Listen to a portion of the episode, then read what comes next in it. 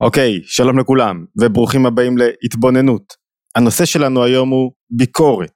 איך אפשר להשתמש בביקורת שמופנית כנגדי ככלי לפיתוח מודעות. זה ידוע שביקורת בטח בתקופתנו זה לא דבר שעובד בדרך כלל. מה קורה לי כשמישהו מבקר אותי, אני נסגר, נאטם, מרגיש איום על הקיום שלי, ובדרך כלל לא רוצה לשתף פעולה, מוציא חצים החוצה, כל מיני צורות התנהגות שדוחות מעליי את הביקורת. ולכן שימוש בביקורת זה לא כלי טוב להניע אנשים, לגרום להם למוטיבציה, לעורר אותם לשפר את הדרך שלהם, להפוך אותם לעובדים טובים יותר, בטח לא כשהביקורת אין קרקע לקבלה שלה. זאת אומרת אין קרקע כשמישהו שמבקרים אותו מרגיש שיש איזה אינטרס מסוים מאחורי, מאחורי הביקורת, שהביקורת לא רואה באמת את המאמץ שלי, את ההשקעה שלי, תחשבו במקום עבודה, תחשבו אפילו על חינוך ילדים, כשילד מרגיש שמבקרים אותו ולא רואים כמה הוא התאמץ, כמה קשה לו, כמה הוא מנסה לראות את הדברים מאוד זוויות ראייה, כשלא מבינים אותו, או כשהוא מרגיש שיש איזה אינטרס חבוי מאחורי הביקורת, שאני אומר ביקורת אבל בעצם אני רוצה להשיג משהו אחר, או בעצם אני רוצה ל, ל, לרצות את המידות הלא טובות שלי, זאת אומרת התנועות הנפשיות הלא טובות שלי ולכן אני משתמש בביקורת, הוא מיד דוחה את הביקורת, נאטם, היא לא נותנת לו לצמוח ולא נותנת לו להתפתח, לכן ביקורת היא לא כלי עבודה, זה לא הנושא שלנו היום. הנושא שלנו היום זה מקבל הביקורת. הרבה פעמים כשאני מקבל ביקורת, אחת הדרכים להתמודד עם הביקורת היא לאטום את עצמי, למה? כי אני, אני רגיש מדי.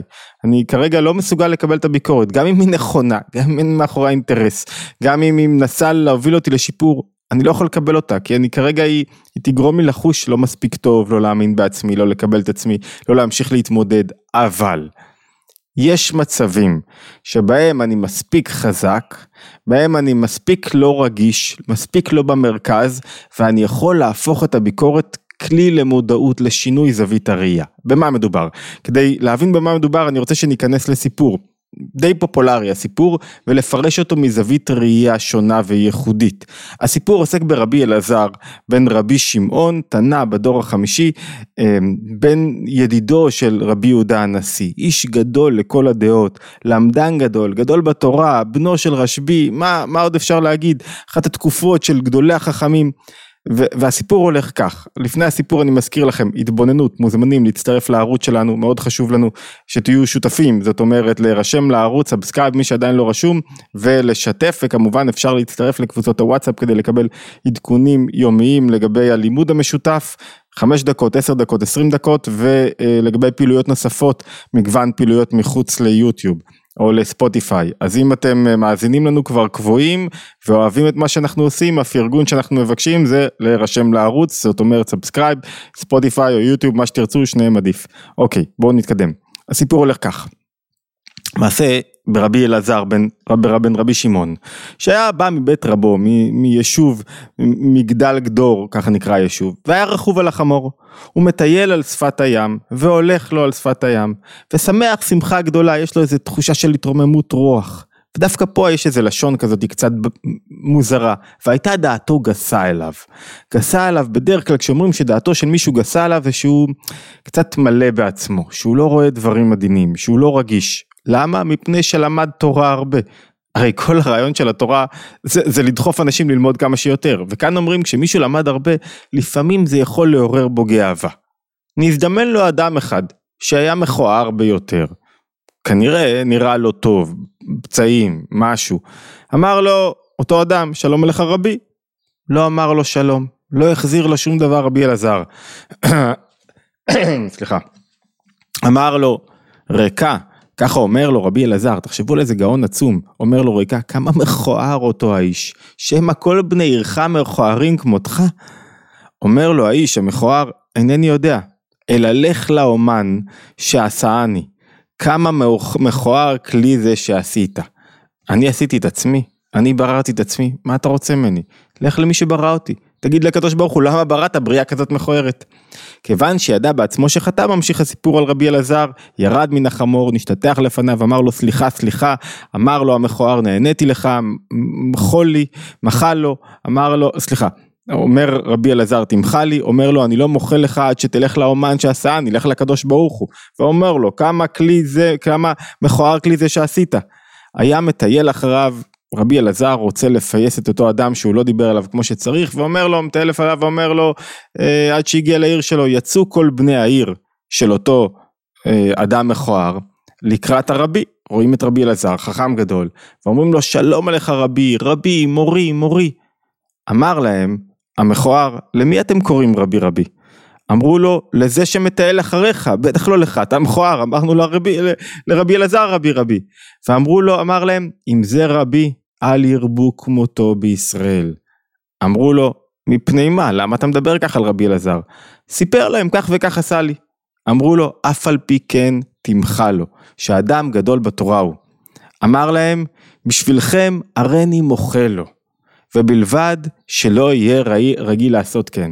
מיד נכנס רבי אלעזר ברבי שמעון לבית המדרש ודרש לעולם יהיה אדם רך כקנה ואל יהיה קשה כארז. זאת אומרת הדרוש כאן הוא לעולם יהיה אדם מסוגל לשבור את העולם הרגשי שלו, לא לתת לרגשות של גאווה והתנשאות להשתלט עליו כדי שיוכל לקבל ולראות אחרים. המסר הראשון הפשוט שכולם מדברים עליו הוא אהבת ישראל, היא כלי להתפתחות וצמיחה.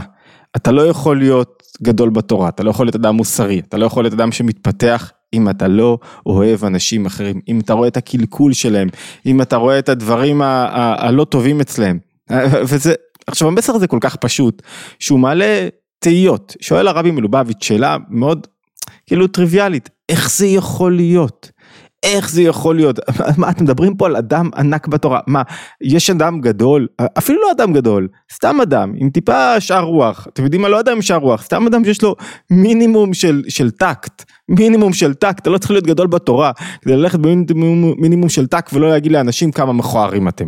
מה זאת אומרת? אתה הולך נתקל באנשים רעים, מכוערים, לא טובים, מתנהגים בצורות שונות, בעלי מומים, מה אתה אומר לו בואנה, תראה איזה, איזה מסכן אתה, תראה איזה מכוער אתה, זה אפילו לא דרך ארץ מינימלית, זה, אפילו, זה, זה לא מדובר פה באיזה, צריך להיות איזה תכונה טרומית, כאילו, וזה שמזכירים שהייתה לו גאווה, בסדר, אדם עם גאווה, אבל אתה לא מצפה שהוא יתנהג בצורה כזאת, ואומר לו, ולא יענה לו לשלום?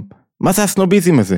איפה שמענו על כזה דבר? שאתה הולך אומר למישהו שמישהו אומר לך שלום ואתה לא מחזיר לו שלום, איפה הכל ושפל רוח בפני כל אדם, הוא הרי ידידו של רבי יהודה הנשיא, הוא הרי בנו של רשב"י, על מה אתם מדברים בכלל? בנו של רשב"י, מה, מה, לא מסוגל להגיד שלום למישהו? שכל התנועה בנפש היא אהבת הזולת, כל התנועה בנפש היא לראות את האחר. מנסים להסביר שיש כאן תנועה אחרת בנפש. זוכרים את הנושא שלנו? איך אני יכול להשתמש בביקורת ככלי לפיתוח מודעות? לפעמים אנשים זורקים לי משהו. אם אני מקשיב, לא שם את עצמי במרכז, אני יכול לקלוט דרך המשהו הזה דבר מסוים שיעזור לי להתפתח. מה הכוונה? אז, אז מובא סיפור על הרבי הרש"ב, הרבי החמישי של חסידות חב"ד, שנכנס אליו מישהו וביקש ממנו ברכה, עזרה, והוא אמר לו, אני לא יכול לעזור לך. כשהוא יצא, בא אליו אחיו של הרבי, ואמר, למה אתה לא יכול לעזור לאדם הזה? מה אכפת לך לברך אותו? מה אכפת לך להתפלל עליו? אז הוא אמר לו, הוא עדיין לא כלי. הוא רוצה לחסוך מעל עצמו את העבודה, הוא לא כלי לקבל ברכה, ברכה זה המשכת משהו שמגיע לך, אתה חייב להיות כלי להקשיב רגע, להשתנות, להיות מוכן, להיות מסוגל לקבל את המסרים שאתה מקבל מהעולם כדי להתפתח, הוא לא כלי.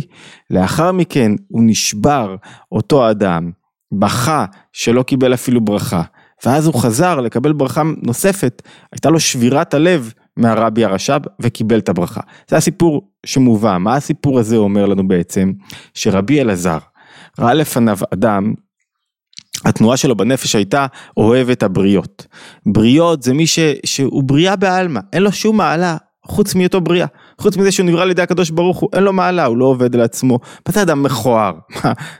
הגמרא הולכת וממפה אנשים לפי מידת היופי שלהם? זאת אומרת, יופי וכיור זה עניין מאוד אינדיבידואלי. לא יודע, לא ראיתי בחיים שלי אדם מכוער. מה זאת אומרת אדם מכוער? מה, מה, אדם מכוער בפנים זה אדם נחות ביותר, לא מתפתח, מאוד אגוצנטרי. ככל שאדם שהוא יותר אגוצנטרי, הוא יותר מכוער. בכוונה מדגישה הגמרא, רברה רבי אלעזר, אדם שלא עובד על עצמו, אדם שלא רוצה להשתנות, אדם שהוא תקוע בעצמו.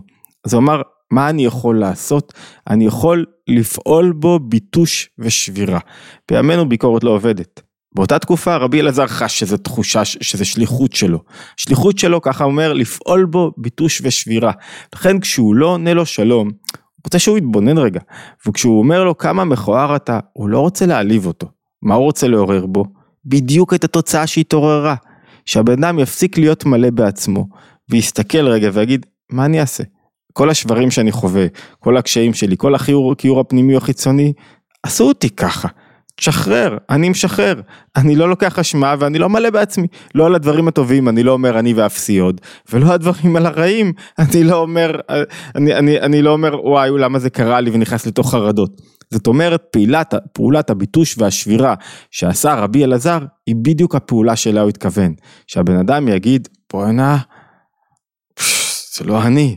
כאילו אם מישהו רואה אותי ככה ולא מחזיר לי שלום ואומר לי כמה מכוער אתה, כמה אתה עסוק בעצמך, כמה אתה כל כולך אגוצנטרי, כמה אתה כל כולך לא רואה את הסביבה, אם מישהו אומר לי ככה ומעז להגיד לי ככה, אז יכול להיות שבאמת אני צריך להסתכל על עצמי באופן אחר.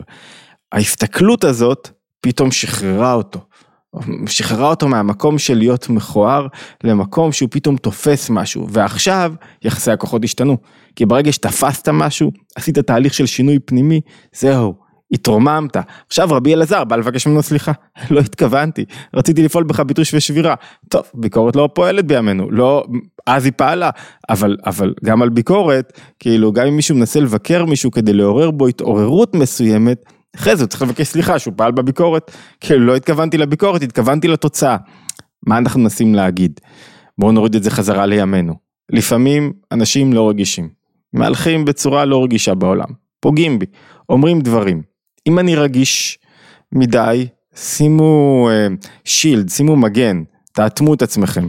לא שומע ביקורת, לא נותן לזה להיכנס אליי. למה? כי היא תמוטט אותי, והיא תמנע ממני מלהמשיך לפעול, והיא תמנע ממני מלהמשיך לקיים, לגלות את הכוחות שלי. לכן אני לא כרגע פנוי לקבלת ביקורת. אבל אם אני מספיק חזק, ויכול פתאום לקלוט את הביקורת, אני יכול לשמוע בביקורת משהו שיכול לעזור לי ללמוד על עצמי. אולי באמת אני צריך ללמוד דברים מאוד זווית, אולי באמת אני צריך להיות פחות גאוותן, אולי באמת אני צריך להיות פחות עסוק בעצמי.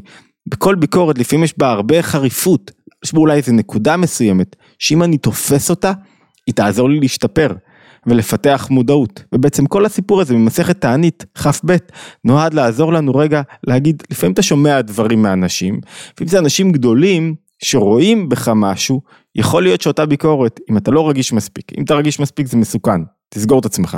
אבל אם אתה לא רגיש, זה יכול לעזור לך לפתח מודעות פנימית למקום שבו אתה אוחז ומשם להתפתח יותר, לגדול יותר, להשתנות יותר, לעבוד על עצמך. בסופו של דבר בלי ביקורת, בלי שאני מבקר את עצמי ולוקח, כשמישהו זה מטיח בי ביקורת, אני, כרגע אני לא מקשיב לזה.